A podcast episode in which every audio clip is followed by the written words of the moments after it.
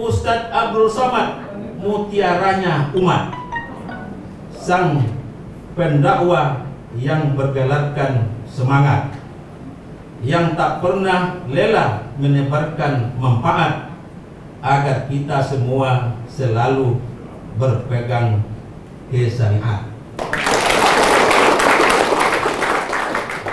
Mantap kan? Saya dulu yang bikin. Alhamdulillah, terima kasih. Bila taufiq hidayah. Wassalamualaikum warahmatullahi wabarakatuh. Bismillahirrahmanirrahim. Assalamualaikum warahmatullahi wabarakatuh.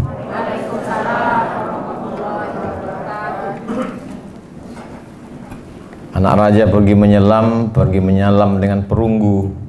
Sambutan salam. Nah, lupa pula pantun. Sambutan salam kurang semangat, mungkin karena Ustaz Somad datang mengganggu.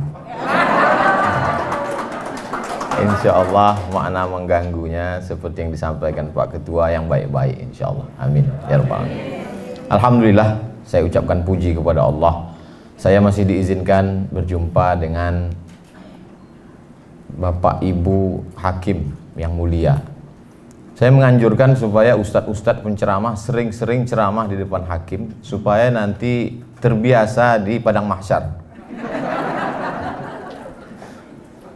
Tak dapat saya sebutkan satu persatu, Pak Ketua, bil khusus, kemudian Pak Wakil, kemudian Panitra, kemudian semua pegawai. Kalau Pak Ketua tadi menyebut sampai yang kontrak, sampai yang honorer, sampai adik-adik mahasiswa yang magang, disebutkan semua. Yang besar tak dihimbau gelar, yang kecil tak disebut nama.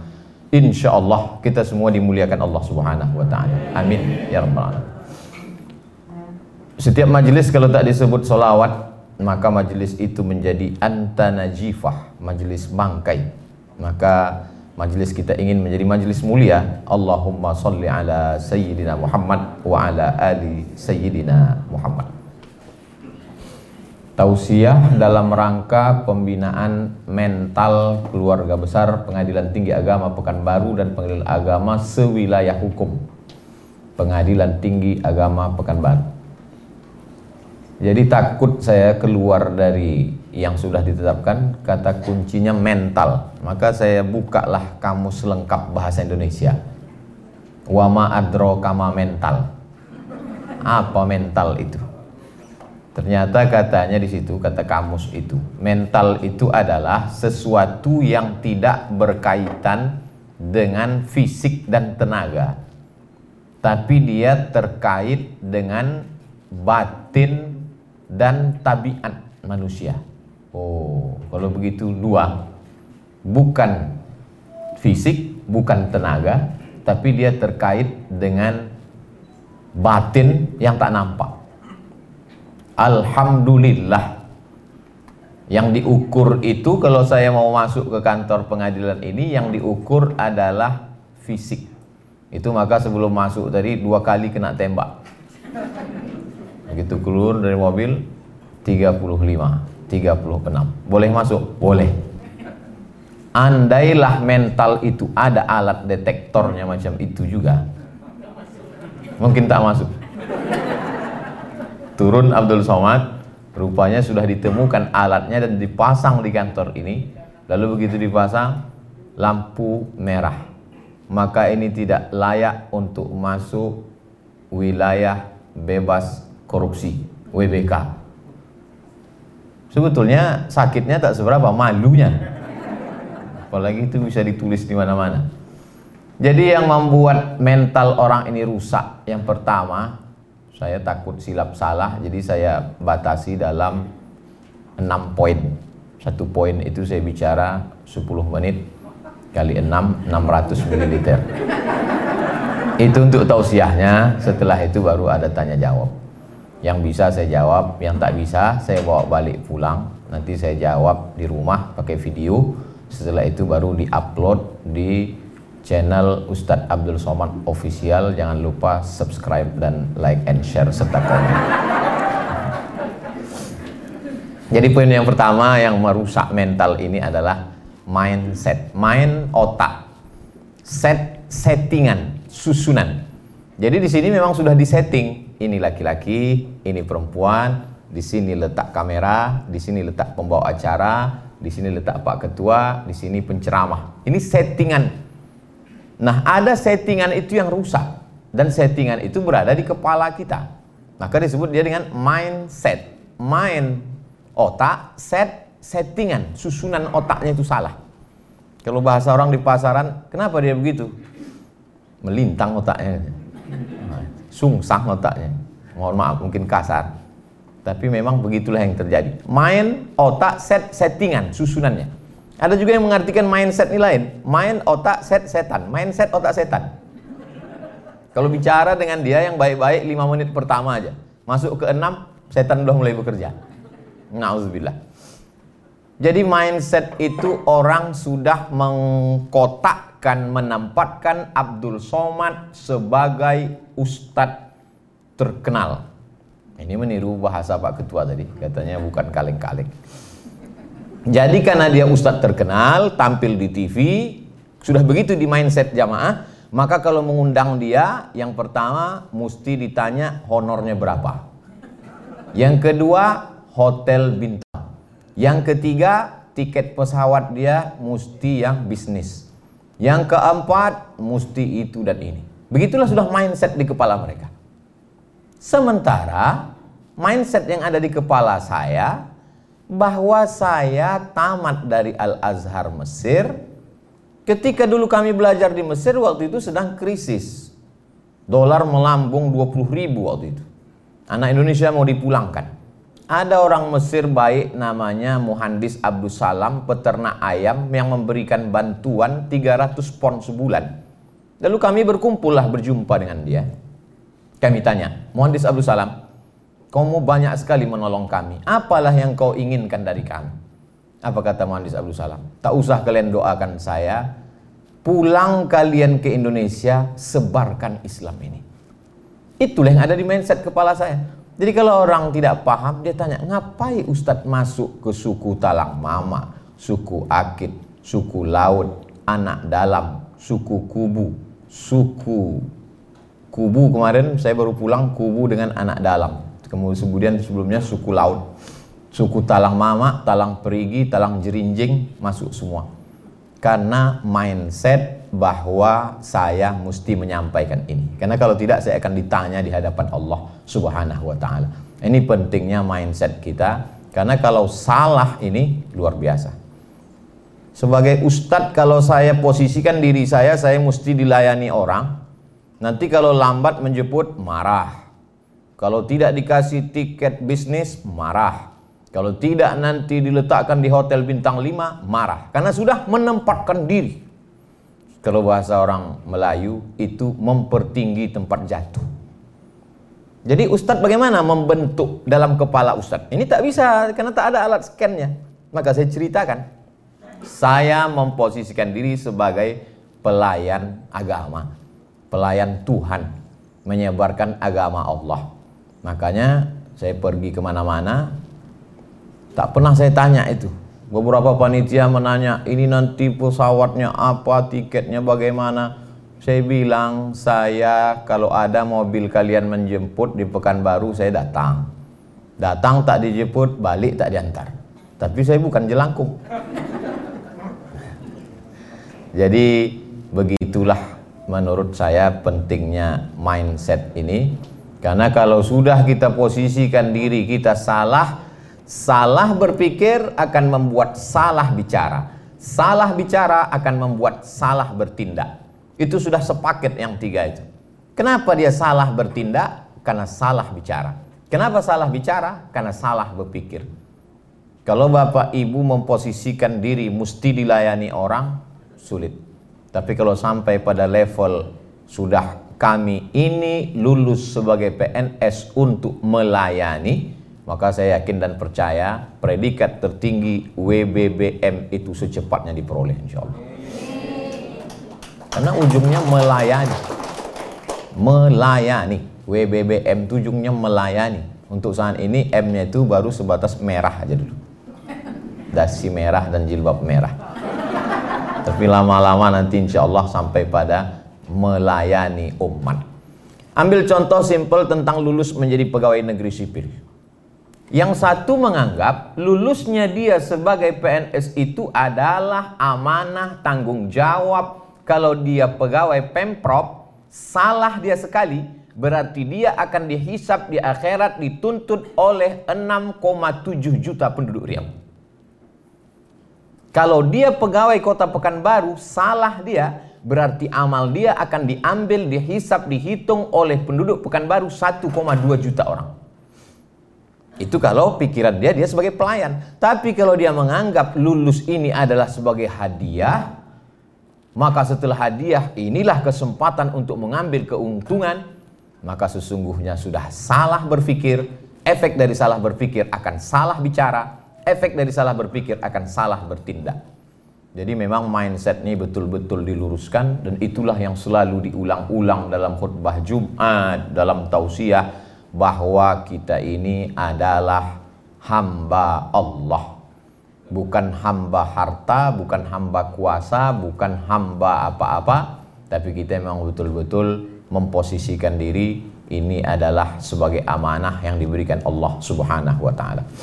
Kalau ada dua anak lajang mau meminang anak gadis. Cantik jelita, rupawan, bangsawan, berdarah biru.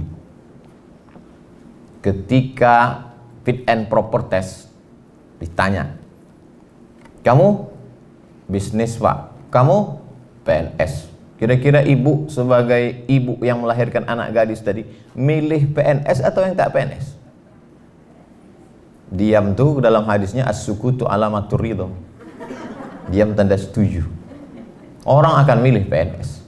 Karena PNS ada jaminan. PNS ada kesejahteraan.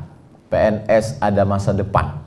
Jadi menjadi PNS satu sisi adalah hadiah prestasi, tapi di sisi lain juga adalah tanggung jawab di hadapan Allah Subhanahu wa taala. Saya yakin dan percaya Pengadilan Tinggi Agama Pekanbaru mendapatkan wilayah bebas korupsi itu adalah karena mindsetnya yang sudah lurus tadi insya Allah amin. amin tapi lurus pagi bisa bengkok siang. Itulah makanya kita selalu diajarkan untuk istiqomah karena godaannya yang luar biasa. Itu poin yang pertama. Berarti sudah habis 10 menit. Sekarang masuk poin yang kedua. Yang membuat orang itu menjadi rusak mentalnya adalah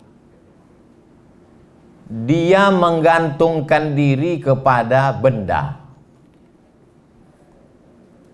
Kalau saya naik mobil ini, saya akan dihormati orang. Kalau saya naik ojek, maka saya tidak dihormati orang. Tergantung kepada benda. Kalau saya pakai sepatu merek ini, saya dihormati orang.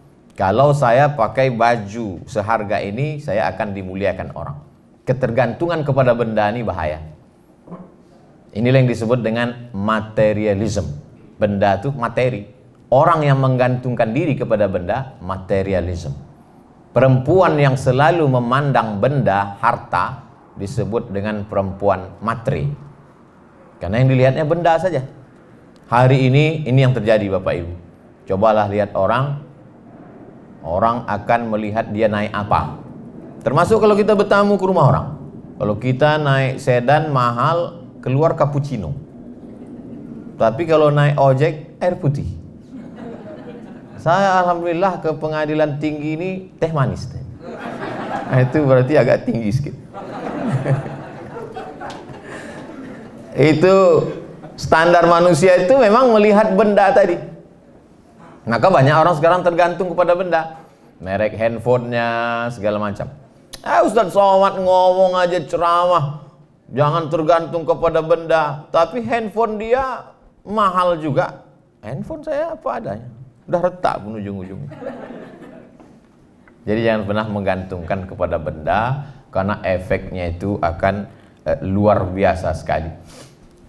Ada pemegang kunci Baitul Maqdis Palestina dipegang oleh orang Yahudi. Dia mau menyerahkan kunci Palestina ini kepada khalifah. Waktu itu khalifahnya Umar bin Khattab. Aku mau menyerahkan kunci Baitul Maqdis nih. Tapi dengan syarat Umar bin Khattab itu mesti datang mengambil kemari. Ya, kata umat Islam, Umar akan datang ke Palestina dari kota Al-Madinah Al-Munawwarah. Bayangan si Yahudi tadi, Umar bin Khattab itu akan datang dengan baju jubah sutra yang besar, megah, mewah, kereta kencana, pengawal sejauh mata memandang. Maka dia siap-siap udah megang kunci. Mana Umar bin Khattab yang katanya gagah, perkasa, hebat, penguasa semesta itu? Mana dia? Tiba-tiba dari kejauhan nampaklah seekor keledai. Keledai itu lebih kecil dari kuda, lebih besar dari lebih kecil keledai. Lalu kemudian lebih besar dari kambing, lebih kecil dari kuda. Umar bin Khattab naik keledai ganti-gantian dengan hamba sahayanya berdua. Kadang-kadang Umar di atas, hamba sahayanya di bawah. Kalau capek, hambanya di atas, Umar di bawah. Pas mau masuk ke pintu Palestina, kebetulan waktu itu jamnya jatah Umar di bawah, hambanya di atas. Sampai ke situ bertanyalah pendeta Yahudi tadi, mana Umar bin Khattab itu antara kalian berdua? Inilah dia Umar bin Khattab. Terkejut dia agama apa yang mengajarkan orang tidak menggantungkan diri kepada benda. Kalau kita dihormati orang karena mobil kita, nanti mobil itu dijual, kita tak dihormatinya lagi. Kalau kita dihormati orang karena pena kita harganya 10 juta, hilang pena itu dua hari dua malam kita menangis. Kalau kita dimuliakan orang karena benda jam tangan kita, ketika jam itu tak lagi melekat, inilah yang membuat orang banyak kena penyakit PPS, Post Power Syndrome. Dulu ketika benda itu masih melekat di tangan, dimuliakan orang, disanjung orang. Tapi ketika tidak, Ustadz sendiri bagaimana mengantisipasi diri Ustadz supaya tidak terikat dengan benda-benda itu? Yang pertama, bahwa kita mesti sadar lahir ke dunia ini tidak membawa benda. Saya mohon maaf tidak mau mendikte Bapak Ibu, hanya sekedar bertanya, yang lahir bawa jam dinding ada?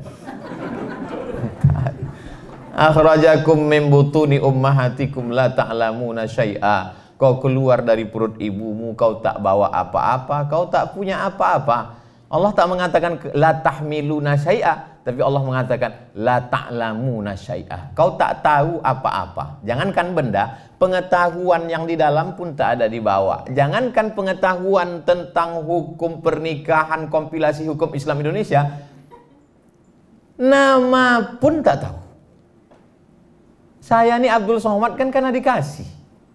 Yang lahir sudah bawa plakat nama. Tak ada. Nama kita pun dikasih orang. Betapa sombongnya kita dengan benda-benda yang melekat pada diri kita hari ini. Tapi Ustaz Somad kami tengok pakai baju mahal, dikasih orang. Pergi ke Yogyakarta, singgah ke toko batik kami Pak Ustaz, boleh kata saya. Pakai Pak Ustaz, pakai. Setelah dipakai di fotonya, rupanya untuk baliho.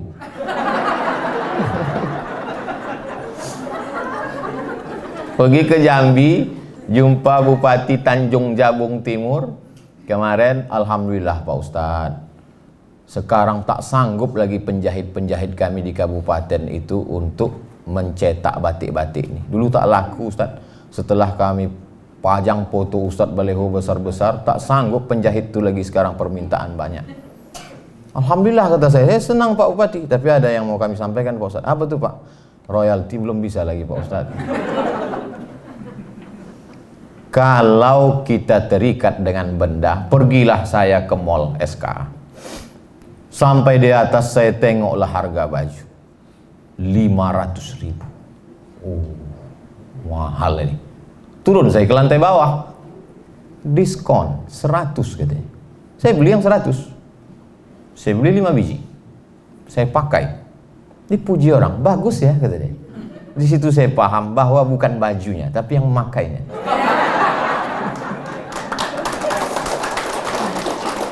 Jadi kalau adalah budget Bapak Ibu 500 ribu, beli sajalah baju yang 100, yang 400 itu belikanlah 8 sak semen. Itu lebih bermakna dan andai baju itu hilang dicuri orang di jemuran, kita tak terlalu bersedih. Ustadz, baju Ustadz hilang. Malah 100 ribu. Kami sangka 500, kalian aja baik sangka. Husnuzon. Keterikatan kepada benda-benda ini luar biasa Bapak Ibu.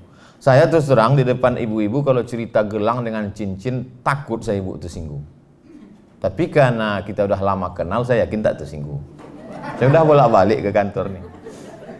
Adalah jamaah kita, kata dia gini. Ustadz, kakak kami itu waktu meninggal, cincin gelang subang rantai antingnya satu cuci tangan. Kenapa? Karena dia menggantungkan dirinya pada benda. Kalau benda itu dia pakai, PD-nya naik. Kalau benda itu dia pakai, pergi dia undangan mendongak dia. Tapi kalau benda itu tak ada, dia macam anak ayam kena minyak lampu. Kalau pernah Bapak Ibu menengok anak ayam.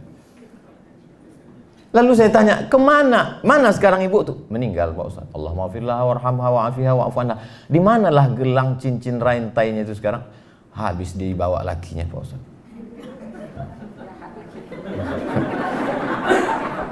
Itu yang laki-laki model seperti itu tak ada di PTN.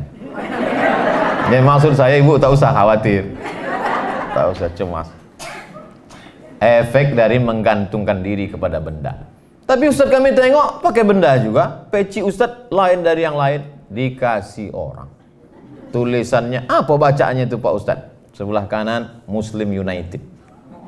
Sebelah kiri Sedulur Saklawasi sedulur saudara, saklawasi selamanya. Kenapa bahasa Jawa? Orang Jogja ngasih. Cincin Pak Ustadz dikasih orang juga. Tengoknya saya batu. Saya kumpul-kumpulkan batu tuh hampir 200. Takut pula saya jadi penyembah batu. Bapak Ibu yang dimuliakan Allah Subhanahu wa taala, jangan terikat kepada benda karena keterikatan pada benda ini bahaya, merusak integritas dan ketika kita mati dia tinggal semua tinggal tinggal. Maka beberapa cincin itu saya lelang. Daripada saya bawa mati bagus saya lelang. Kami jual lah cincin batu rubi di Hotel Madani Medan depan Istana Maimun. Terjual cincin Ustadz Somad batu rubi 50 juta dipakai orang perempuan suaminya dari Belanda. Pakainya. Mantap kata saya semua duit 50 juta ini untuk pembangunan pondok pesantren tahfiz Quran. Karena itulah yang akan mengalir. Dibaca orang Quran satu hari, dua juz, satu bulan, hatam dua kali, satu tahun 24 kali. Itulah yang mengalir. Adapun kita pakai dia ke mana-mana, maka sesungguhnya keterikatan pada benda ini amat sangat merusak. Dari mulai harga baju, jam tangan, cincin, gelang, rantai, peci, mobil, dan lain sebagainya. Habis 20 menit. Yang ketiga, kita kalau ceramah di WBK itu memang mesti-mesti detail karena tak boleh ada korupsi sedikit pun. Termasuk korupsi waktu. Wah, itu luar biasa. Poin yang ketiga adalah Jangan sampai cinta habis untuk makhluk Allah. Kalau sampai bapak menghabiskan cinta bapak untuk ibu, tiba-tiba ibu itu berpindah ke lain hati. Gelap dunia ini, Pak. Begitu juga sebaliknya. Ibu jangan terlalu habiskan cinta ibu ke bapak. Karena kalau sampai nanti bapak ini direbut pelakor, Wah ini judul ceramah Ustaz ini provokasi ini. Merusak ini. Makanya dalam hadis dikatakan Habib habibaka haunamma asa ayyakuna baghidaka yaumamma. Benci dan cinta tempatnya sama, sama-sama dalam hati. Maka berapa banyak orang pagi benci, petang sayang, petang benci, malam cinta dan lain sebagainya. Maka habiskanlah cinta itu untuk yang bermanfaat buat Allah. Kenapa ibu cinta ke bapak? Karena dengan cinta ke bapak bermanfaat. Innama huwa jannatuki wa naruki. Nabi itu yang mengatakan, bukan Abdul Somad. Bu, kata Allah, innama huwa bapak itu jannatuki bisa jadi surgamu, wa naruki dia bisa jadi neraka. Jadi ibu cinta ke bapak kenapa? Karena Allah. Cinta ibu sama bapak. So sweet Pak Ustaz. Apa dasarnya? Karena dialah surgaku, karena dialah nerakaku. Ibu bisa masuk neraka gara-gara bapak. Ibu juga bisa masuk surga gara-gara bapak. Jadi cintanya kenapa? Karena Allah. Pagi ini saya diminta untuk menasehati seorang ibu yang kehilangan anak sedang lucu-lucunya hafal Quran 5 juz umur 6 tahun. Apa pukulan tak berat itu? Diminta saya menasehati ibu itu sementara anak saya seumur itu juga. Saya khawatirnya kita nasehati orang besok anak kita meninggal. Kadang ustaz-ustaz cash and carry ujian itu datang. Maka saya nasihati, ibu sayang kepada dia, tapi ada yang lebih sayang daripada ibu. Allah lebih sayang. Ibu sayang kepada dia, tapi sayang ibu hanya di depan mata. Ketika dia pergi sayang ibu, Allah tak pernah luput kasih sayangnya dengan dia. Allah sudah menuliskan bahwa dia meninggal khamsin alfasanah qabla an yakhluqas samawati wal ardh Sebelum Allah menciptakan langit dan bumi 50 ribu tahun sebelumnya hadis sahih muslim Allah sudah menetapkan bahwa dia meninggal. Ibu sabar maka ada amal yang lebih besar daripada jihad mati visabilillah ada amal yang lebih hebat daripada membangun masjid. Ada amal yang lebih dahsyat daripada tawaf sa'i dan umrah amal ini tidak perlu keluar duit tak perlu keluar keringat tak perlu keluar tenaga diam saja apa nama amalnya sabar Makanya banyak juga bapak-bapak yang memakai ini. Mama, mau masuk surga? Mau pak? Sabar menghadapi papa. Ada amal yang luar biasa, tidak keluar duit, tak keluar darah, tak keluar tenaga, tak keluar keringat, hanya duduk saja. Sabar menerima ketetapan Allah Subhanahu wa taala. Jadi memang cinta kepada anak itu yang membuat orang rusak integritas. Anak mau handphone baru, harganya 25 juta, gaji 5 juta. Istri pergi undangan, pulang dari undangan mata berkunang-kunang, gelap-gelap pandangan. Makan kambing tadi tidak, sup kambing tidak, gulai kambing tidak. Kenapa begini? Nampak tadi di tempat undangan tuh orang gelangnya besar betul.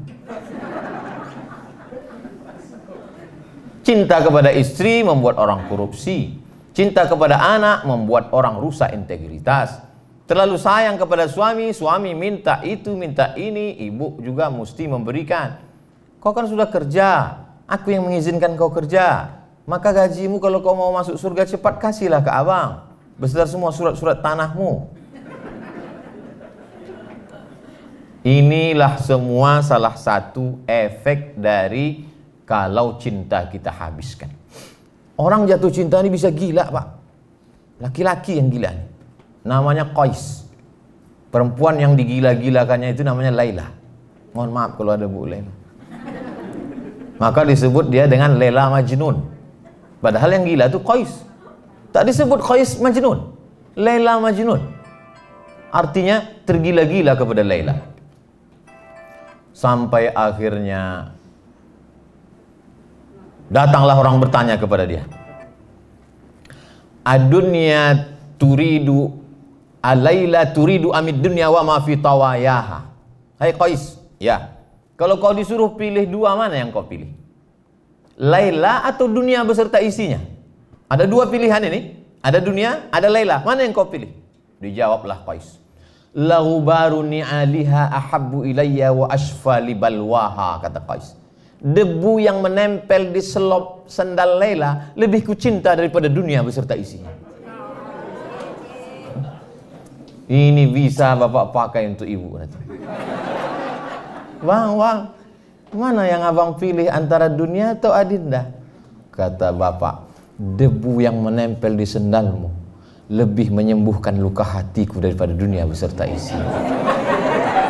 Apa kata ibu itu menjawab? Itu kan ceramah Ustaz Somad. Dia tak tahu habis paket ibu tuh gara Ustaz. Bapak Ibu yang dimuliakan Allah Subhanahu wa taala. Jadi kalau cinta kepada Laila sampai bisa membuat gila, itulah yang membuat orang gila jabatan, gila cari duit, gila habis semuanya hanya untuk cinta kepada manusia, kepada anak, kepada makhluk, kepada yang lain-lain. Mau berangkat haji 20 tahun. Kalau mau berangkat cepat ONH plus. ONH plus paling murah 100 juta. Yang mau dibangkatkan ini orang tua. Karena cinta kepada orang tua orang bisa masuk neraka. Makanya disebut berbuat baiklah kamu wa amfiqu min thayyibat yang baik-baik saja. Berapa banyak orang di Indonesia untuk menyenangkan hati orang tuanya dia korupsi. Ya Allah, aku tahu korupsi ini haram, tapi untuk menghajikan emakku ya Allah. Kata malaikat, saya enak otak kau aja kata dia. Makanya dalam hadis itu udah dikunci. Innallaha tayyibun. Allah tuh maha suci. La yaqbalu illa tayyiban. Dia tidak menerima kecuali yang suci-suci saja. Yang tak suci tak diterima Allah. Kau sedang apa tuh? Mencuci. Mencuci itu baik. Tapi ternyata airnya air kencing. Mana bisa mencuci pakai air kencing? Mencuci mesti pakai air mutlak air suci, tahir, berwuduk dengan air tahir mutahhir, suci dan mensucikan. Kalau tidak, maka tak diterima. Saya mohon maaf juga kepada Bu Suci kalau ada yang menonton. Habis 30 menit. Poin yang keempat. Poin yang keempat, kalau kita mau jaga integritas ini adalah bahwa semua yang kita makan itu akan menjadi darah daging gaji, pendapatan. Ustaz Somad, yang kami keluarkan zakat ini apakah gaji saja Pak Ustadz? Semua saya bilang, SPPD, uang sifat, uang tunjang, uang sundul, uang tanduk. Total semua dapat 10 juta, dua setengah persen, 250, 250 juta, sejuta 25 ribu, satu juta 25 ribu, 10 juta 250 ribu, dapat 100 juta, 2 juta setengah, dapat 1 miliar, 2 5 juta. Semangkok nasi lemak. Saya tak setuju kalau nasi lemak apa Ustaz? Oke, ketupek gulai paku. tak usah kita permasalahkan masalah ini. Lalu kemudian semangkok bakso dibeli dari duit haram disuap dengan doa Allahumma barik lana fi ma razaqtana wa qina azabannar berubah dia ayyuma lahmin setiap daging di badan nabata min haramin. Dia tumbuh dari yang haram fannaru aulabih tempatnya api neraka. Turun Abdul Somad dari Masjid An-Nur tegak di bawah di atas timbangan. Timbangan duduk. Jamaah-jamaah silakan naik. Wah tentu Ustadz duluan. Ustadz tuh selalu terdepan pas giliran undangan makan. Ustadz dulu pas timbangan Ustaz dulu. Begitu juga waktu saya masuk ke rumah sakit umum Arifin Ahmad. Masuk ke ruang ICU saya dulu dipakaikan mereka baju. Masuk. Bapak tak masuk? Kami di luar aja Pak Ustaz. Begitu saya keluar saya tanya kenapa saya aja masuk? Di situlah penyakit menular tuh Pak Ustaz. Sampai hati jamaah. Naiklah saya ke atas timbangan tadi, Rupanya di atas timbangan itu ada 10 knot. Diletakkan kaki jari-jari ini langsung keluar ada datanya. Kolesterol, gula darah, canggih timbangan ini. Bisa dibacanya tapak kaki kita itu.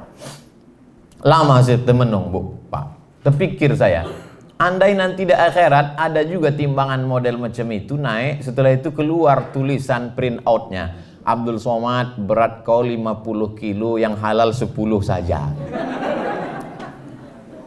Padahal selama ini doa kita Rabbana atina fid dunya hasanah wa fil akhirati hasanah wa qina azabannar.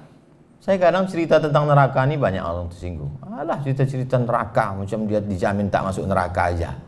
Kita kan berharap tapi saya yakin di PTA ini tak ada tersinggung karena di sini memang sudah wilayah bebas korupsi. Cuman masalahnya acara ini kan ditonton webinar seluruh Indonesia. Di daerah-daerah kalian yang di luar sana belum jamin ini. Kalau kita raba pipi kita tak sakit, berarti tak ada jerawatnya. Yang sakit itu cuma yang punya jerawat dan yang berbisul aja. Jadi kalau kalau ada orang balik dia ke rumah, aku tersinggung dengan ceramah Ustaz tadi. Berarti kau berjerawat bu bisul.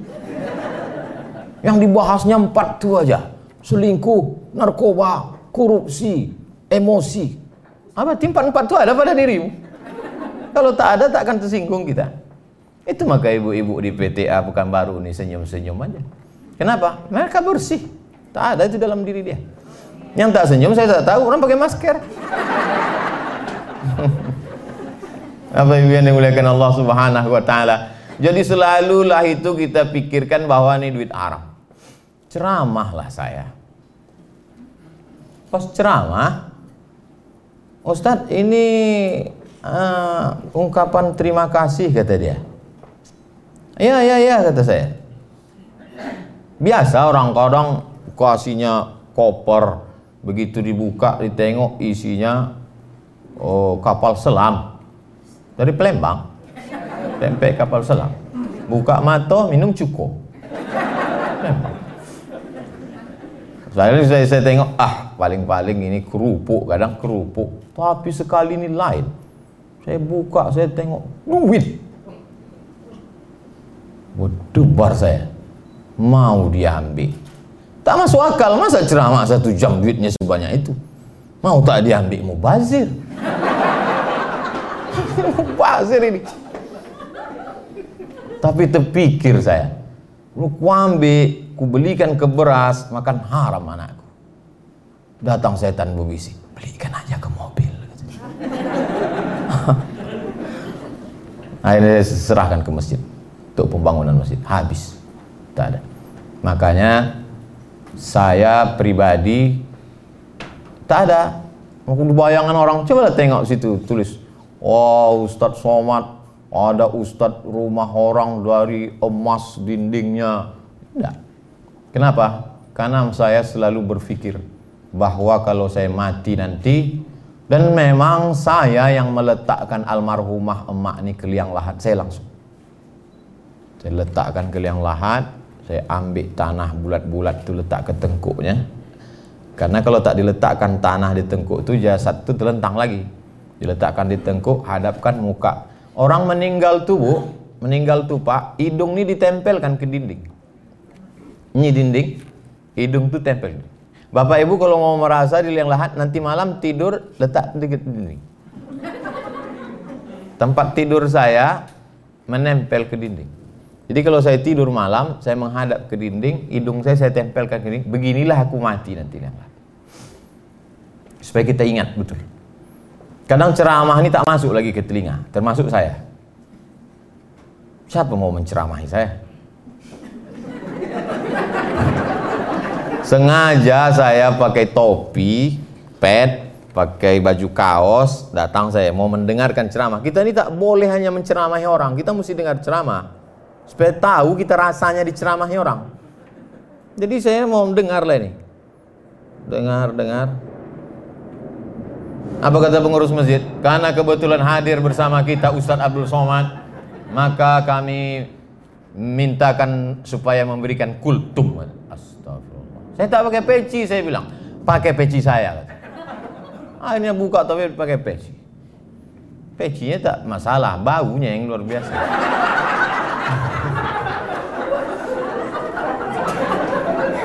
Jadi saya yang menasehati saya itu adalah, nah itulah. Makanya saya usahakan dalam sebulan itu paling tidak sekali mengantar jenazah ke kubur. Karena itu lagi yang bisa menasehati. Orang di rumah makan tuh Pak, banyak yang tak selera makan. Kenapa? Itu tiap hari dia tengok. Tanyalah orang rumah makan. Begitu juga dengan desainer-desainer pakaian pemakeup artis-artis tuh yang tiap hari jumpa perempuan. Banyak yang tak berselera lagi menengok perempuan. Iya. Begitu juga bahayanya orang yang berkecimpung di dunia agama ini. Sehingga nasihat itu bagi dia cuek aja, tak masuk lagi. Termasuklah orang di pengadilan tinggi agama. Tapi yang belum dapat WBK. Kalau udah dapat itu udah luar biasa. saya kalau yang live, kayak kalau yang live langsung di sini ini tak tak perlu saya khawatirkan. Yang khawatirkan yang webinar-webinar nih lah. Bapak Ibu yang dimuliakan Allah Subhanahu wa taala. Jadi memang selalulah kita pikirkan makanan kita ini. Atib mat'amak takun mustajabat dakwah. Jaga makananmu karena itulah sebab-sebab doamu dikabulkan atau tak dikabulkan Allah Subhanahu wa taala. Habis 40. Masuk 50. Apa yang Ustaz tengok dari tadi? Jam. Jam. Kalau untuk bahan ceramah insya Allah saya tak ada tulisan lagi. Itu aja udah tiap hari saya ceramah. Masuk yang kelima, poin kelima. Nasiyatin kadhibatin khati'ah. Nasiyatin ubun-ubun kadhibatin pembohong khati'ah pelaku dosa. Padahal yang berdosa itu kan tangan. Kenapa pula kata dia ubun-ubun? Ternyata yang memerintahkan tangan untuk tanda tangan adalah otak depan. Maka kalau kurang asupan oksigen yang dibawa oleh darah naik ke otak, orang bisa kena stroke ringan. Itu makanya sujud kita itu mesti lama. Allahu Akbar. Subhana rabbiyal a'la bihamdi. Subhana rabbiyal Sampai darah itu turun. Ini banyak orang kadang sholat darah itu baru sampai tengkuk, udah tegak lagi. Kata darah itu apanya maksud kau ini? Serius tak sembahyang nih?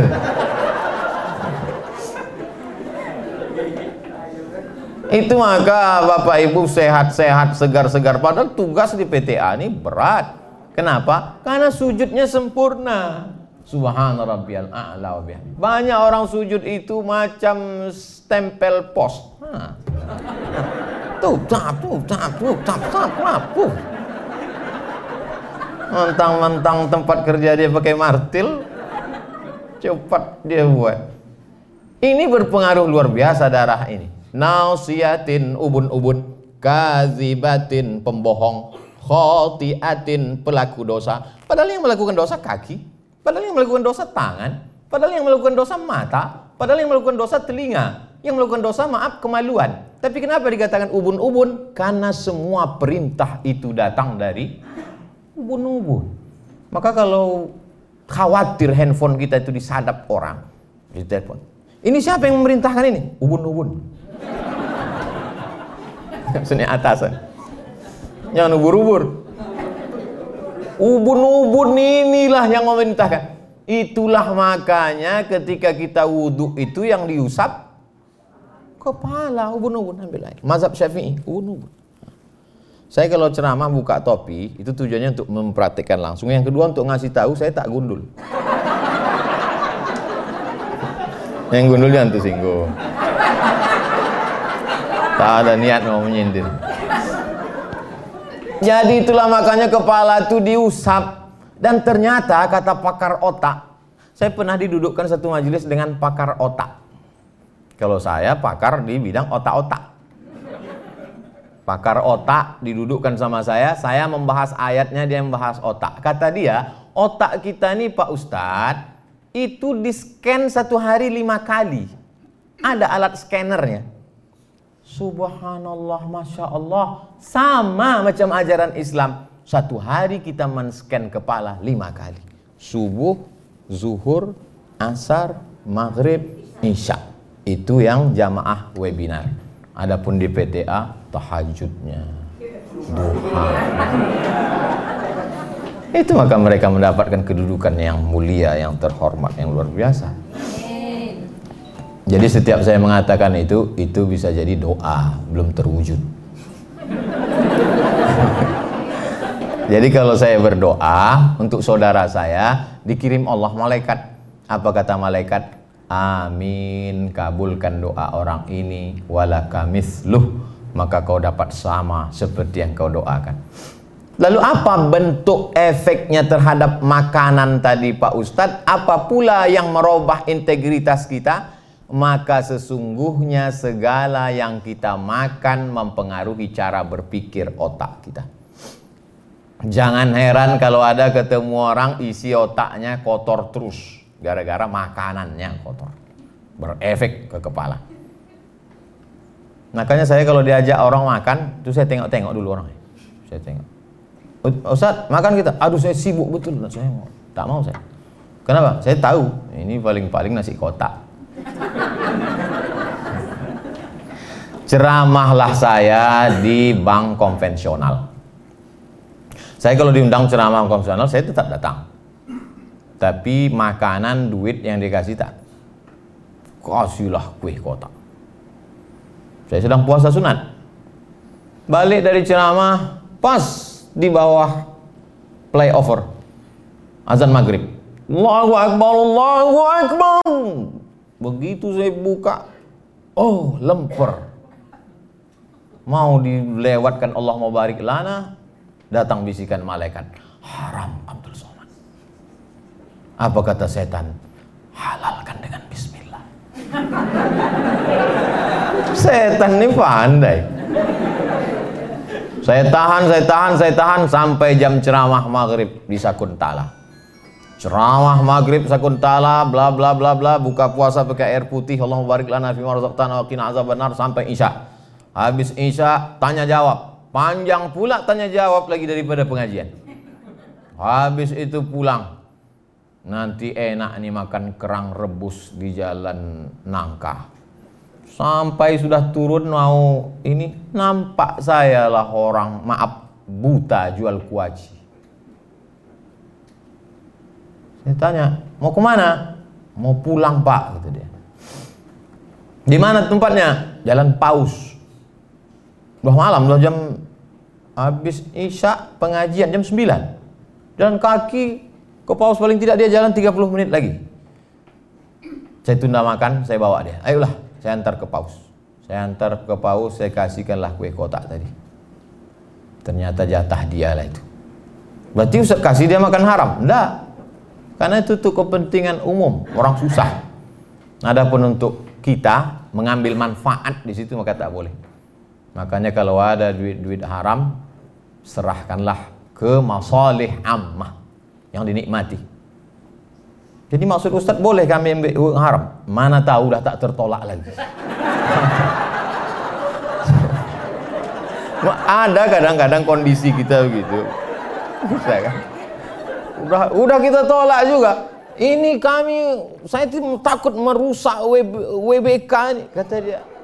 Sekali-sekali tak apa. Tak ada yang tahu. Udah payah aja ambil lah. Ambil tapi berikan untuk masalah ammah. Untuk buat WC fakir miskin anak yatim duafa. Saya bersama kawan-kawan membuat yayasan. 35 orang Kawan saya waktu sama-sama di IAIN, saya pernah di IAIN Pak, tahun 96. Kawan-kawan saya di Al-Azhar.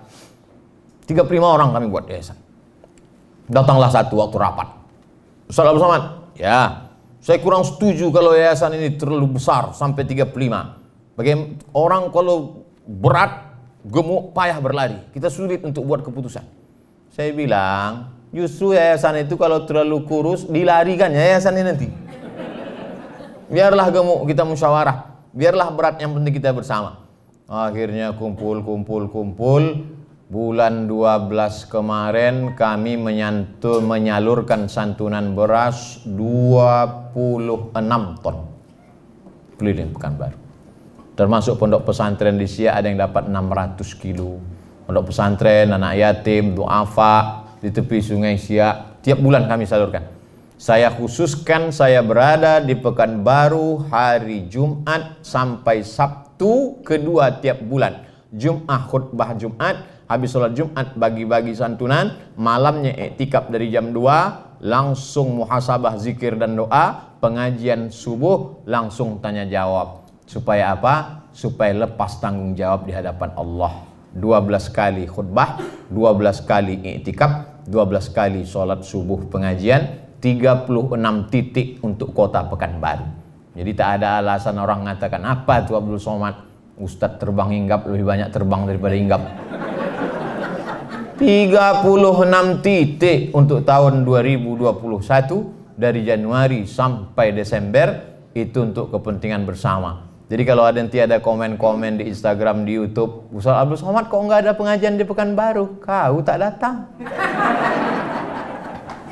Bapak Ibu yang dimuliakan Allah Subhanahu wa taala, itu menjaga bagaimana jangan sampai nasiyatin kadzibatin khati'ah. Yang terakhir, yang keenam. Saya yakin ceramah saya ini ditonton oleh seluruh yang mulia, yang mulia, yang hakim-hakim. Mudah-mudahan ada satu di antara yang enam ini dimasukkan ke tes CPNS. Mengapa yang ditanya ubun-ubun? Kata dia. yang terakhir adalah kita bisa menjaga integritas kita kalau ada orang lain yang membantu kita. Tak bisa sendiri. Makanya Nabi Muhammad SAW itu ada yang tua Abu Bakar, ada yang muda Umar, ada yang remaja Ali, ada yang orang kaya Utsman, ada yang perempuan Asma membawakan makanan ke atas ketika mau hijrah. Mesti ada orang lain. Rabbi surahli sadri lapangkan dadaku, wa yassirli amri mudahkan urusanku Wahlul uqdatam min lisani lancarkan bicaraku lidahku supaya jangan patah-patah supaya aku ngomong itu sampai ke hati orang. Waj'alli waziram min ahli kasih aku penolong. Nabi Musa ini. Nabi Musa aja minta penolong. Mesti ada kawan menolong. Kasih aku penolong. Siapa itu? Haruna akhi. Harun saudaraku kata Nabi. Jadi Bapak Ibu di kantor ini udah tak perlu lagi karena udah ada ya doa Nabi Musa. Harun Betul. Masuk saya ke ruangan Pak Dr. Harun SHMH saya tengok piagam penghargaan dari Menpan. Kalau orang dihargai oleh institusinya sendiri dari atasannya biasa. Tapi kalau kementerian pendaya gunaan aparatur negara dari semua dinas, institusi, lembaga, negara diberikannya itu, itu kan prestasi luar biasa. Kenapa tak ada yang bertepuk tangan? Islam itu ada namanya punishment, ada hukuman. Tapi Islam juga ada yang namanya reward. Itu ajaran Islam. Walladzina amanu wa amilus salihati ulaika ashabul jannah. Walladzina kafaru wa kadzabu biayatina ulaika ashabun nar. Dan orang yang istiqomah, konsisten, ada lagi rewardnya yang luar biasa. Alladzina qalu rabbuna Allah, orang yang berkata Rabbku Allah. Summastaqamu istiqomah dia, konsisten dia, tidak jatuh dia, justru naik ke atas dari WBK menjadi WBBM, maka Allah berikan tempat yang paling tinggi Idza sa'altumullaha fas'aluhul firdaus. Kalau kau minta berdoa kepada Allah, mintalah surga yang paling tinggi, surga jannatul. Sama macam kita jualan barang, berapa kita tawarkan harga? 100. Ditawar Allah 90, kita masih untung. Maka minta surga itu minta firdaus. Ini kadang ada orang doa, ya Allah, masukkan aku surga kaki limanya pun jadilah. Oh, sedikit lagi itu ke neraka. Kita minta yang tertinggi itu Ah, tapi syaratnya tentu istiqomah. Dan kita bisa istiqomah kalau berjamaah. Itu tiga itu mesti sepaket. Hijrah, setelah hijrah istiqomah, setelah istiqomah husnul khatimah. Kenapa orang tidak husnul khatimah? Karena tidak berjamaah. Kenapa orang tidak berjamaah? Kenapa orang tidak istiqomah? Karena tidak berjamaah dan tidak hijrah. Maka saya selalu ada sahabat, sahabat uas sahabat-sahabat saya. Saya kelola ini sahabat-sahabat ini. Ke UIN IAIN waktu itu namanya IAIN Pekanbaru UIN IAIN Suska 96 saya masuk tak selesai setahun kuliah pindah ke Mesir kelola di Mesir pulang ada angkatan kelola Aliyah juga begitu kelas 3 Aliyah Nurul Falah Air Molek Indragiri Hulu Riau ada alumni maka saya masuk di alumni ini. Kelas 3 di Nurul Falah Air Mole. Kelas 2 di Muallimin Al-Wasliyah. Kelas 1 di pesantren Darul Arafah. Sekarang tiga-tiga sekolah ini mengakui saya alumninya. Tahun lalu saya ceramah bulan Februari di UKM, University Kebangsaan Malaysia. Diundang saya ceramah. Saya waktu itu cemas juga di situ. Karena dulu saya sempat di UKM itu dua semester Dan seingat saya, harga satu semester 1.800 ringgit. Saya baru bayar setengah. Jangan-jangan ini diundang nih mau mereka tagih. Di depan profesor-profesor, datanglah seorang profesor mengatakan, ada definisi baru tentang alumni, katanya. Alumni, alumni, gitu, gitu. Bahawa sesiapa sahaja yang belajar selama empat seme, empat entah empat hari pokoknya saya masuk lah maka dia sudah dianggap alumni. Dan Ustadz Abdul Somad merupakan salah seorang daripada alumni UKM tepuk tangan semua. Saya lah yang paling bahagia waktu itu. Bersahabat. Jadi kalau saya datang di mana-mana tuh saya menganggap sahabat.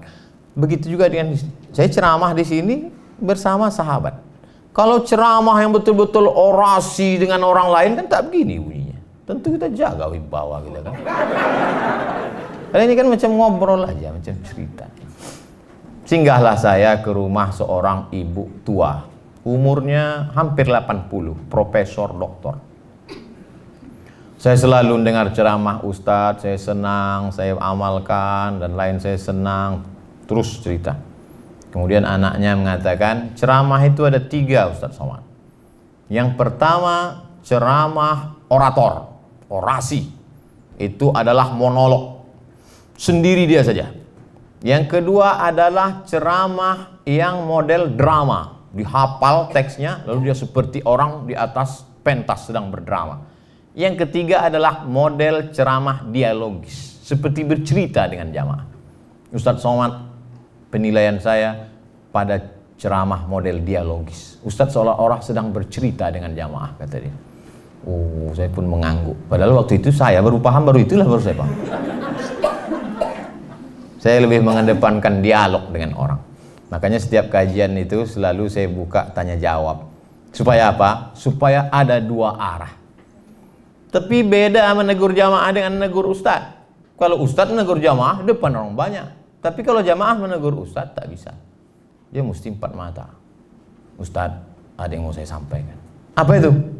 Ada foto yang mau saya tunjukkan. Mana dia? Oh, tahu Ustadz salahnya di mana? Iya, peci saya miring. Ternyata peci kita miring pun kita tak tahu kalau tidak dikasih tahu orang. Saya selalu mengalami itu, maka selalu saya luruskan. Peci kita yang di luar kepala kita miring pun kadang kita tak tahu. Apalagi yang ada di isi kepala kita miring. Orang lain yang meluruskan. Maka saya berterima kasih sekali kalau ada kawan-kawan mengingatkan. Kadang-kadang dari ujung-ujung dia kasih tahu. Oh, berarti waktu udah habis. Ya, kadang batu dia kadang. Tadi jam saya saya mulai 10.25, sekarang 11.21. Kita kalau ceramah di WBK itu per detik itu kita itu. Oh, nah hisapnya itu halus. Maka saya tadi sampai kemari jam setengah 10. Acara jam 10, setengah 10 sudah datang. Saya dulu waktu mau pu baru pulang, Bu, Pak, pulang dari Mesir. Dulu kami ketika belajar di Maroko, tempat saya belajar namanya Darul Hadis, itu kalau kita jalan di belakang dosen, duluan dosen itu masuk kelas, tuh dikuncinya. Yang di belakang dia tak boleh masuk. Maka begitu pulang saya jadi dosen di UIN, saya terapkan itu. Masuk saya, saya kunci. Saya aja sendiri di dalam.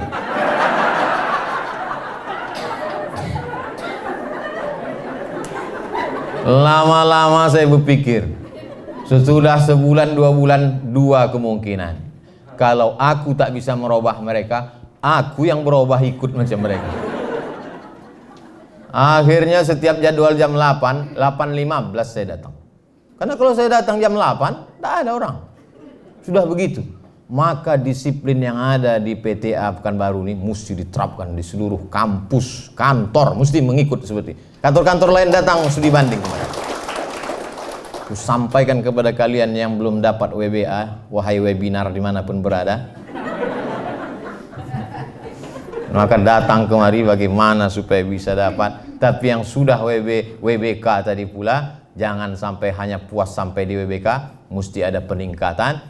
Kalau masalah prestasi kita mesti lihat.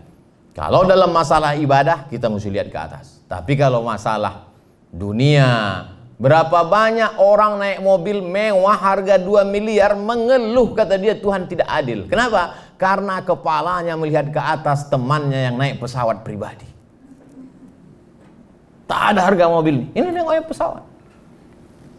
Saya waktu naik pesawat pribadi itu Pak, dijemput ke Pekanbaru. Mulai. Foto, di share. Wah maaf pun komen. Hebat ya kata dia. Wah, dia tak tahu awak naik sampan ke Talang Mawar. Begitulah kalau kita ini selalu mendongak ke atas. Tapi kalau memandang ke bawah, datang syukur kita. Orang tidak akan sampai pada derajat syukur kalau dia tidak pernah mau melihat nikmat Allah Subhanahu wa taala kepada seluruh berbagai macam jenis model manusia. Saya termasuk orang yang susah menangis. Banyak orang menangis, sikit-sikit menangis, sikit-sikit menangis. Saya susah.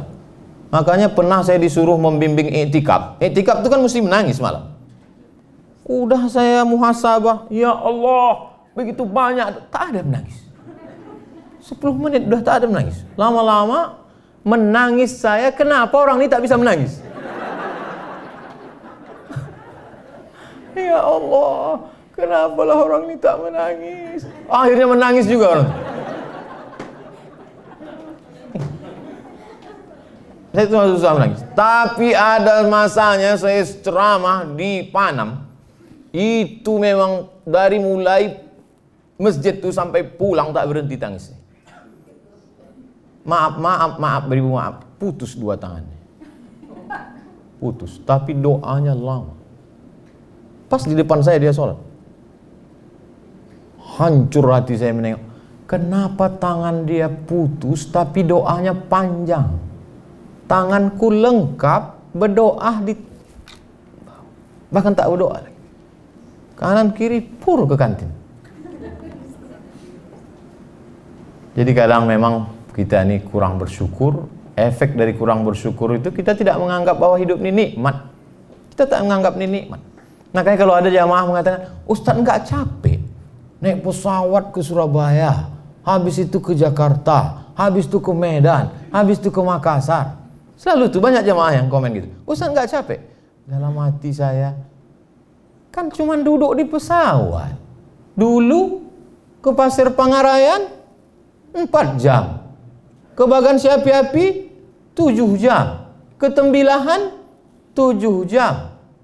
Belum lagi jembatannya. Cuman tak saya sebutkan itu.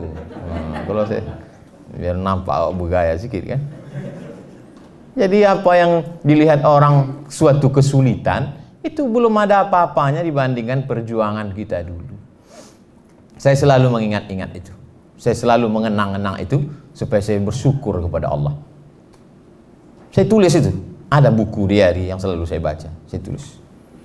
2009 sampai ke Pekanbaru, pembagian jadwal ceramah. Asar jam 4 ku survei tempatnya. Masuk jalan Garuda Sakti, ujung belok kiri, habis aspal, jalan tanah, lampu 5 watt. Nah di situlah jadwal. Supaya datang syukur kita kepada Allah SWT. Foto pun begitu. Foto itu saya simpan. Foto saat-saat susah, saat-saat sulit.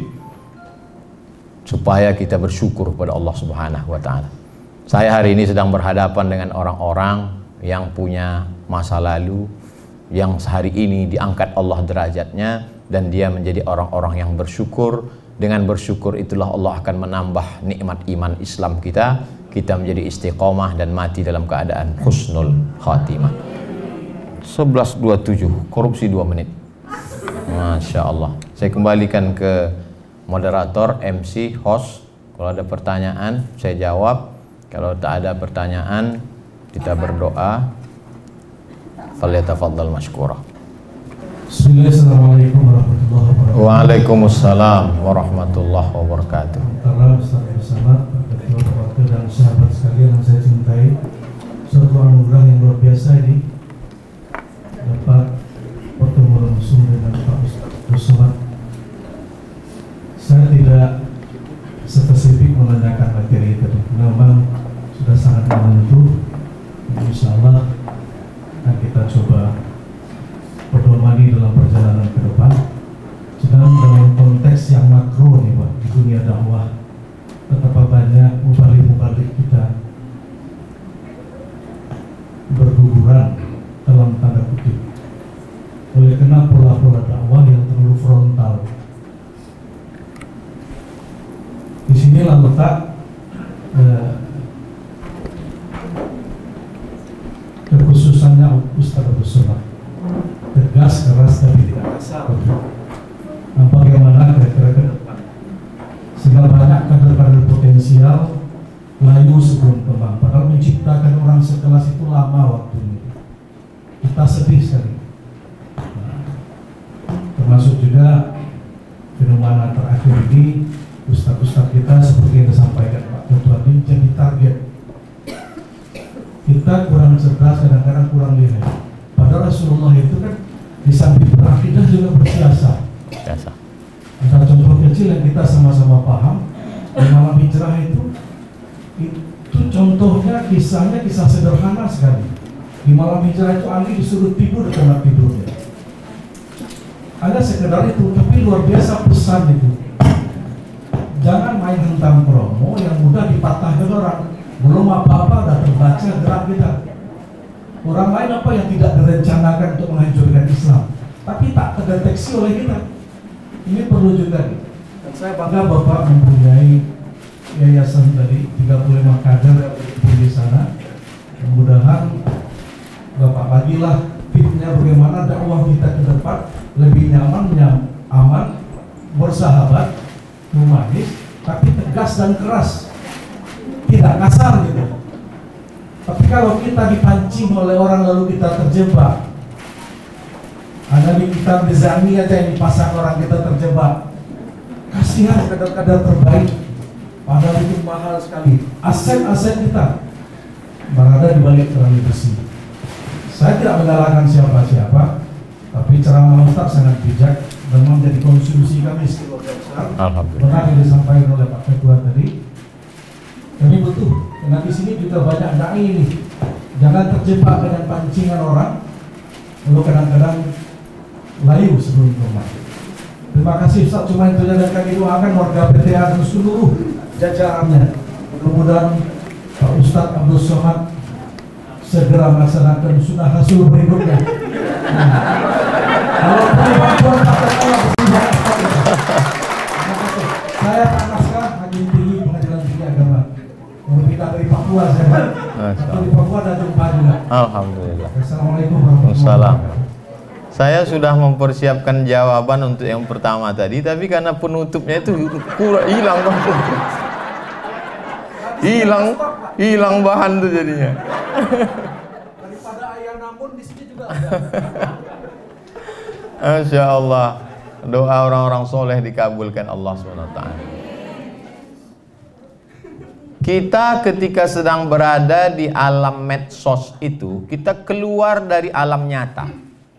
Bapak Ibu mau tak mau, suka tak suka, coba rasakan dengan perasaan ketika masuk ke dalam alam Instagram, komen di YouTube, di Facebook, itu seolah-olah kita sedang berada di dalam alam yang tersendiri.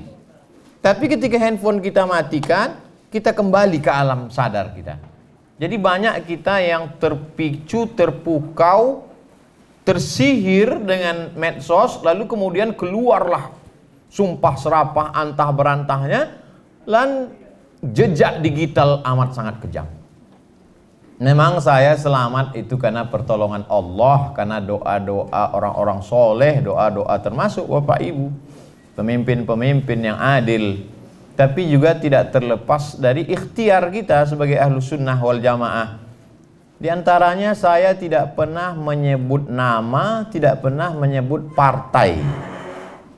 Hanya menyebut sifat. Hanya menyebut tabiat. Itu maka sulit orang untuk uh, tapi saya tak mau takbur bisa jadi nanti keceplosan terlepas pula kan tapi salah satu usaha jadi insya Allah dai-dai muda kita ada di IKMI itu Pak IKMI Pekanbaru 600 ustadznya MDI 1000 Jadi MDI dan IKMI saja sudah 1600. Belum lagi IKADI, kemudian Muhammadiyah, Nahdlatul Ulama, belum lagi ustadz yang tidak terikat dengan organisasi, maka bisa jadi ustadz di Pekanbaru 3000 ustadz dengan jumlah penduduk kota Pekanbaru sejuta dua ratus. Jadi perlu memang pelatihan-pelatihan supaya selamat dari jeratan hukum, selamat dari UU ITE, selamat dari macam-macam. Tapi yang paling jelas kalau kita ambil sejarah Nabi Muhammad SAW ketika tahun ke-6 Hijrah Nabi pergi dari kota Madinah menuju Makkah. Waktu itu Abu Jahal, Abu Lahab masih berkuasa, Abu Sufyan. Lalu kemudian ketika Nabi akan masuk mereka tidak kasih masuk.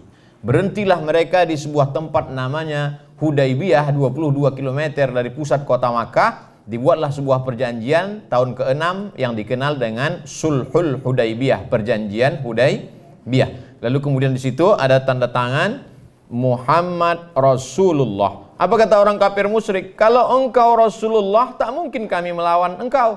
Lalu kata Nabi kepada Ali, Hai Ali, buang Rasulullah itu ganti dengan Abdullah. Muhammad anak Abdullah, Muhammad adalah hamba Allah.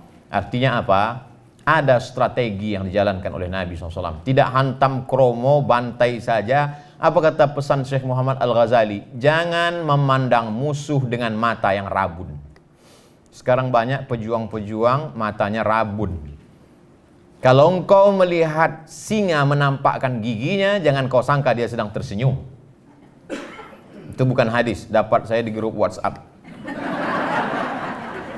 Jadi memang mesti berhati-hati, antisipasi, mesti ada mengingat nasihat orang dan saya kalau ketemu dengan ulama, dengan kiai, dengan tuan guru, apa masukan-masukan untuk saya, ada kawan-kawan ceramah di advokat, pengacara, apa ya, mereka sampaikan semua. Tapi balik lagi kepada kalau kita sudah berusaha optimal, terjadi juga qadar Allah. Tapi kalau kita tidak ada usaha, maka sesungguhnya itu adalah hukum sebab dan akibat.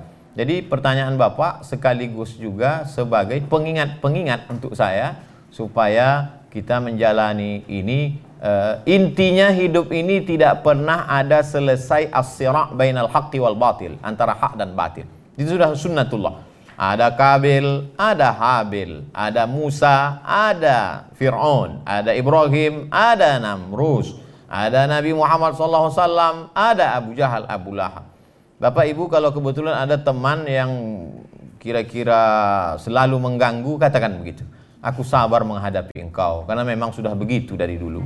Ada Kabil, ada Habil, ada Musa, ada Firaun, ada Namrus, ada uh, Ibrahim, ada Nabi, ada Abu Lahab, ada aku dan ada kau. Terima kasih jazakumullah khairan.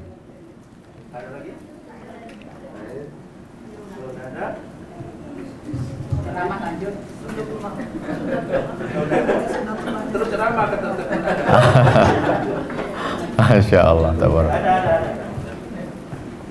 Dari nama aja. Dari mananya? Bismillahirrahmanirrahim. Assalamualaikum warahmatullahi wabarakatuh. Waalaikumsalam warahmatullahi wabarakatuh. Eh, terima kasih Pak Ustaz atas apa yang sudah disampaikan. Saya satu, ada tadi tentang kita tidak boleh terikat dengan benda, termasuk dengan pakaian, eh, termasuk dengan semuanya. Tapi saya ada menghafal, tapi ini saya kurang hafal apakah hadis atau mau. Iya. Eh, luhusukum kiramukum qabla yunus ulumukum kiramukum ba'da yunus di sini kaitannya adalah tentang kita harus menjaga wibawa pakaian supaya di situ ada kemuliaan mohon penjelasan Pak Assalamualaikum warahmatullahi wabarakatuh Waalaikumsalam warahmatullahi wabarakatuh. Libasukum kiramukum qablal julus. Pakaian kamu adalah kemuliaan kamu sebelum duduk. Andai saya datang ceramah ke PTA ini tadi, pakai celana jeans, pakai baju kaos, pakai helm, naik motor, Saya parkir ke depan, saya masuk ke dalam, lalu saya sapa. Assalamualaikum guys. Kira-kira menurut fikih salahkah itu? Tak salah.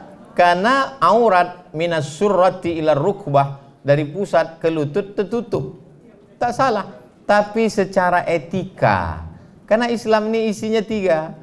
Yang pertama akidah, yang kedua fikih, hukum, halal haram, yang ketiga adalah akhlak. Inilah yang diambil dari hadis Jibril, iman, Islam, dan ihsan. Saya kena pada pasal 3, pasal ihsan. Lalu kemudian tentang pakaian, ada seorang ulama besar di Alexandria, Iskandaria, 200 km dari Kairo, namanya Syekh Muhammad Abdul Ba'is, ahli hadis. Saya datang ke majelisnya, sorbannya bersih, ganteng, wajah, jubahnya dua lapis, jubah di dalam putih, jubah di luar hitam, duduk dengan wibawanya. Libasukum kiramukum qablal julus. Pakaianmu adalah kemuliaanmu sebelum engkau duduk. Lalu kemudian ada seorang mahasiswa Indonesia bercerita bahwa suatu ketika istri Syekh Muhammad Abdul Ba'id sakit maka datanglah pelajar Indonesia ke rumah membantu mencucikan pakaian Syekh. Dia terkejut karena dilihatnya beberapa jubah Syekh itu koyak dan dijahit berkali-kali. Lalu kenapa yang dipakainya waktu berceramah itu pakaian yang bersih? Karena dia mau menjaga muruah, kehormatan. Yang saya maksud tadi adalah sampai berlebih-lebihan menggunakan uang untuk pakaian sampai lemari tiga isinya pakaian semua. Sampai Ustadz Samad sendiri kami lihat setiap video itu bajunya ganti-ganti. Itu di studio punya orang. Habis pakai letakkan lagi. Datanglah orang mengirim WA ke saya, kata dia, Ustadz tolonglah kasih kain itu ke saya karena saya tengok Ustadz ceramah, habis ceramah dapat kain. Saya bilang kain tu tak ada lagi. Di lemari saya hanya tinggal lima biji kain saja. Kain untuk tidur, kain untuk sembahyang, kain untuk tamu. Kain-kain yang lain tuh habis semua dibagikan. Jangan sampai kita terjebak pada pakaian-pakaian tadi. Tapi bapak-bapak, ibu-ibu bukan berarti besok semuanya pakai pakaian lusuh kemari. Ini Ustaz Somad memang betul-betul mengganggu ini kata Pak Ketua. Ah, jadi pertanyaan tadi luar biasa untuk menjelaskan lagi kepada kita pemilahan. Jangan ketika dikatakan jangan mubazir lalu kemudian tidak makan. Kul makanlah. Washrab minumlah. Walbas berpakaianlah. Min ghairi sarafin tak berlebihan. Wala makhilatin bukan untuk sombong. Coba kita analisa yang tiga ini. Kul makanlah Bagaimana makan tidak sombong? Sekarang ada orang makan sombong. Makan dia di rumah makan yang satu porsinya 2 juta dan tidak dimakan. Hanya ditengok, dihirup saja. Udah. Hanya untuk style, gaya. Habis makan dipoto langsung update. Alhamdulillah tadi makan siang di rumah makan ini langsung pujian-pujian. Padahal makannya pun ngutang juga. Kul, wasrab, minuman. Berapa banyak minuman hanya untuk gaya-gaya. Bahkan sekarang ada satu konten di YouTube yang hanya untuk menampilkan minuman. Minuman ini mabuknya begini, harganya ini. Minuman ini kalau diminum maghrib mabuknya subuh. Ada. Kalau dulu televisi Pak, Bu, kita dikhawatirkan dulu waktu anak-anak awas TV. Jangan lupa TV masih dikontrol KPI, Komisi Penyiaran. Sekarang ada TV yang tidak bisa dikontrol KPI. Apa itu? Cheat channel, channel TV. Dulu kalau mau buat TV mesti 100 sekian miliar. Sekarang orang bisa punya TV, satu orang bisa punya tiga channel TV. Luar biasa. Jadi zaman anak kita tak seperti kita. Walbas berpakaianlah. Min ghairi sarafin, tak berlebihan. Wala makhilatin, tak pula untuk sombong. Jadi penganalisa analisa Ustadz selama di PTA ini, adakah nampak jamaah ini berpakaian berlebihan untuk sombong. Tidak. Sebanyak-banyak pakaian kita paling-paling tiga lapis. Maaf, singlet di dalam, kemeja, jas. Kalau sampai empat lapis, itu bukan kaya, demam.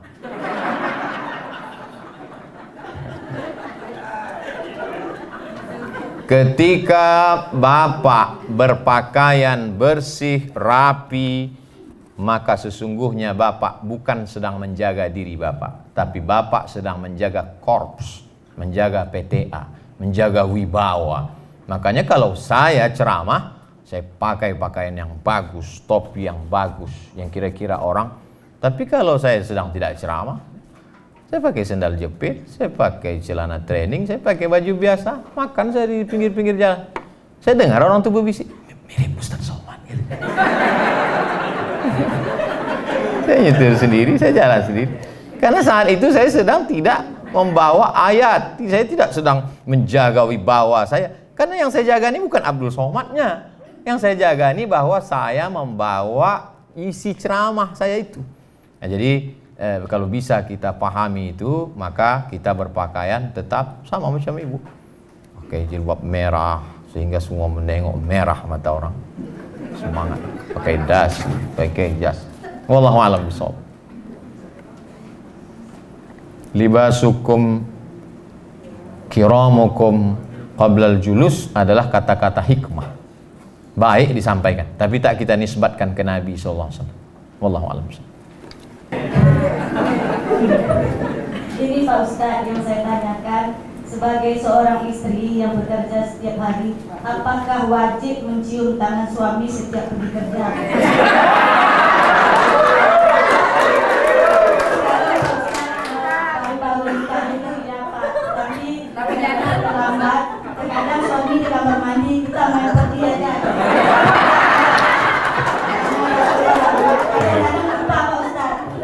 Masya Allah. Betul. Sudah berapa lama saya tidak pernah cium tangan Pak Ustadz?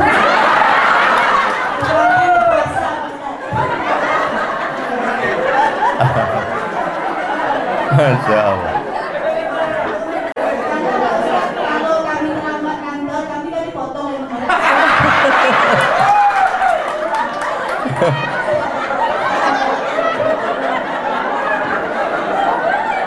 Masya Allah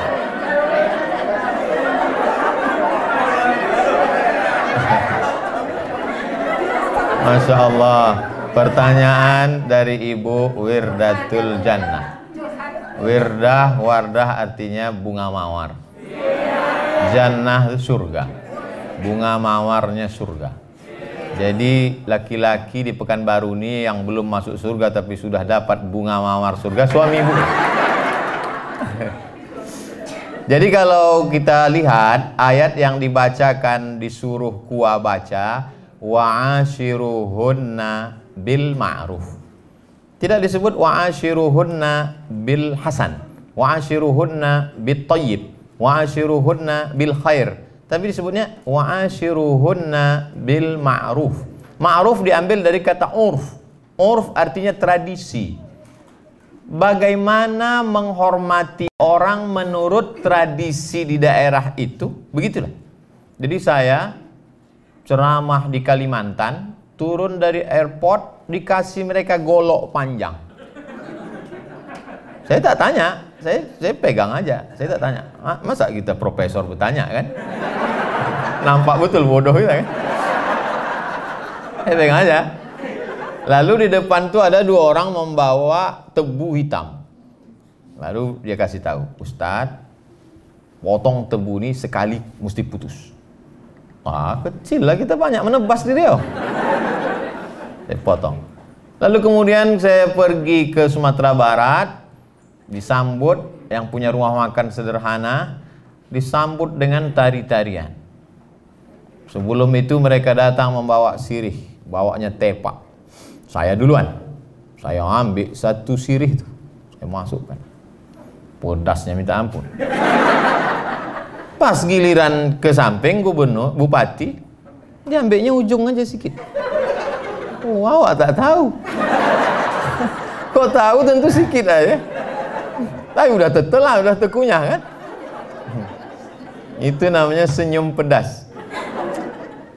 Lalu kemudian sampai ke Papua, turun pesawat di Sorong. Sampai di Sorong, disambutlah saya dikasih piring besar, gambar burung kasuari, ada saya simpan sekarang di rumah. Disuruh saya menginjak piring itu. dari potong tebu di Kalimantan, tarian di Sumatera dengan makan daun sirih, menginjak piring besar, substansinya sama. Apa itu? Begitulah menurut local wisdom, kebijaksanaan lokal untuk memuliakan tamu. Cuman caranya. Nah, hampir kesepakatan seluruh dunia bahwa mencium tangan itu adalah bentuk penghormatan. Jadi ketika ibu dulu mencium tangannya, maka sekarang juga cium. Karena ketika ibu berubah, maka hatinya juga akan mengalami perubahan untuk menerima respon itu. Ketika tak dicium dalam hatinya, ah, mentang-mentang aku udah lisut gitu. Hah? Kan cium tangan tak mesti udah mandi. Walaupun abang tuh belum mandi, cium aja lah tangan dia. Bang aku belum berangkat dulu. Ini tentang masalah cium tangan. Hampir sepakat semua suku di Indonesia bahwa mencium tangan itu adalah salah satu bentuk kemuliaan. Tak boleh mencium tangan orang karena jabatannya. Adapun mencium tangan karena kemuliaannya, karena ilmunya. Suami dicium karena dia pemimpin. Ar-rijalu qawwamuna 'alan nisa. Dia pemimpin. Ulama begitu juga. Lalu kemudian tentang masalah sarapan. Saya tak mau ceramah ini dibenturkan dengan remon. Nah, kalau kita berangkat kerja jam setengah, masuk wajib jam 7. Setengah 8. Jam 8. Oh, tak ada alasan untuk tak masak sarapan. Azan subuh di Pekanbaru jam 5 lewat sekian. Habis itu dia bisa masak. Bisa sarapan. Lalu kemudian tak ada alasan ketika lambat. Kenapa lambat? Memuliakan suami ceramah Abdul Somad. Saya juga yang kena. Saya tak mau dijadikan landasan. Banyak ibu-ibu yang mendengar ceramah saya dijadikannya ceramah saya sebagai landasan atas segala kesilapan kekeliruan dia. Dan banyak pula laki-laki kalau jumpa sama saya dia foto, dia foto, dia foto, dia simpan 10 foto. Ketika suaminya istrinya bertanya, "Abang di mana?" Sama Ustaz Somad. Kita belajar agama adalah mencari kebenaran bukan menjadikan agama sebagai pembenaran terhadap kekeliruan kita. Sehingga agama itu kita jadikan sebagai stempel legalisir. Salah kita dua. Pertama, kita salah. Yang kedua, kita membenarkan kesalahan kita. Ala hadhihin niyah untuk niat yang baik-baik wa kulli niyatin salihah. Al-Fatihah. أعوذ بالله من الشيطان الرجيم. بسم الله الرحمن الرحيم. الحمد لله رب العالمين. الرحمن الرحيم. مالك يوم الدين. إياك نعبد وإياك نستعين. اهدنا الصراط المستقيم. صراط الذين أنعمت عليهم غير المغضوب عليهم ولا الضالين. آمين. اللهم صل على سيدنا محمد وعلى آل سيدنا محمد. اللهم إنا نتوسل إليك بسر الفاتحة. Kami mohon kepada Engkau ya Allah dengan kemuliaan surat Al-Fatihah dengan kemuliaan Nabi Muhammad SAW antaqdi hajatina tunaikan segala hajat-hajat kami ya Allah. Wa tuzassir umurana mudahkan segala urusan kami ya Allah. Umurad dunya wal akhirah urusan dunia maupun urusan akhirat. Allah mahfazna an kulli su' wa syar jaga diri kami hati kami pikiran kami dari segala perbuatan maksiat. Ya muqallibal qulub engkau yang membolak-balikkan hati Sabit qulubana, kokohkan hati kami ala dinik dalam agamamu wa ala ta'atik dalam ketaatan kepadamu. Allahumma zakirna min humanasina. Ketika hati kami lalai, maka ingatkanlah dengan menzikir mengingatmu ya Allah. Rabbana hablana minas salihin. Jadikan anak kami anak-anak yang soleh dan solehah. Wahfazhum min kulli su' wa syar. Jaga anak-anak kami dari segala perbuatan maksiat. Allahumma ja'al hadzal balada baladan aminan mutmainnan ya'tihi rizquhu min kulli makan. Jadikan negara kesatuan Republik Indonesia negeri yang aman, damai, terbuka pintu rezeki dari segala penjuru. Allahumma dafa'anil ghala wal waba wal fahsya wal riba wal zina wal munkar. Selamatkan negeri ini dari malapetaka, bencana, riba, zina, narkoba, bil khusus wabah COVID-19 ini ya Allah. Pemimpin-pemimpin kami tawil umurahum berkahi usianya, sahih ajsadahum sehatkan badannya, wafiqhum lima tuhibbuhu wa tardah tanamkan dalam hati mereka ridhamu sehingga mereka beramal hanya mencari ridhamu semata ya Allah. Allahumma akrimna wa la tuhinna muliakan kami dengan iman dan Islam. Jangan hinakan kami dengan kekafiran dan kemunafikan. Rabbana taqabbal minna innaka antas samiul alim. Terima amal kami hari ini sehingga dapat kami bawa sebagai bekal menghadapmu nanti ya Allah Allahumma khtim lana bi husnil khatimah wa la takhtim alaina bi su'il khatimah. Allahumma ja'al akhir kalamina inda intihai ajalina. Akhir kalam kami ketika ajal kami sampai jadikanlah yang terakhir kami ucapkan la ilaha illallah Muhammadur Rasulullah sallallahu alaihi wasallam. Rabbana atina fid dunya hasanah wa fil akhirati hasanah wa qina adzabannar. Sallallahu ala sayyidina wa maulana wa syafi'ina wa dzukhrina Muhammad wa ala alihi wa sahbihi wasallam walhamdulillahi rabbil alamin selama lebih kurang satu jam setengah 90 menit kita bersama banyaklah tutur kata saya tak berkenan di hati menyinggung perasaan Bapak Ibu, Pak Ketua, Pak Wakil beserta seluruh yang hadir. Saya Abdul Somad hamba Allah yang fakir banyak silap salah memohon maaf. Menangkap ikan puyuh di Bukit Selasih thank you dan terima kasih. Assalamualaikum warahmatullahi wabarakatuh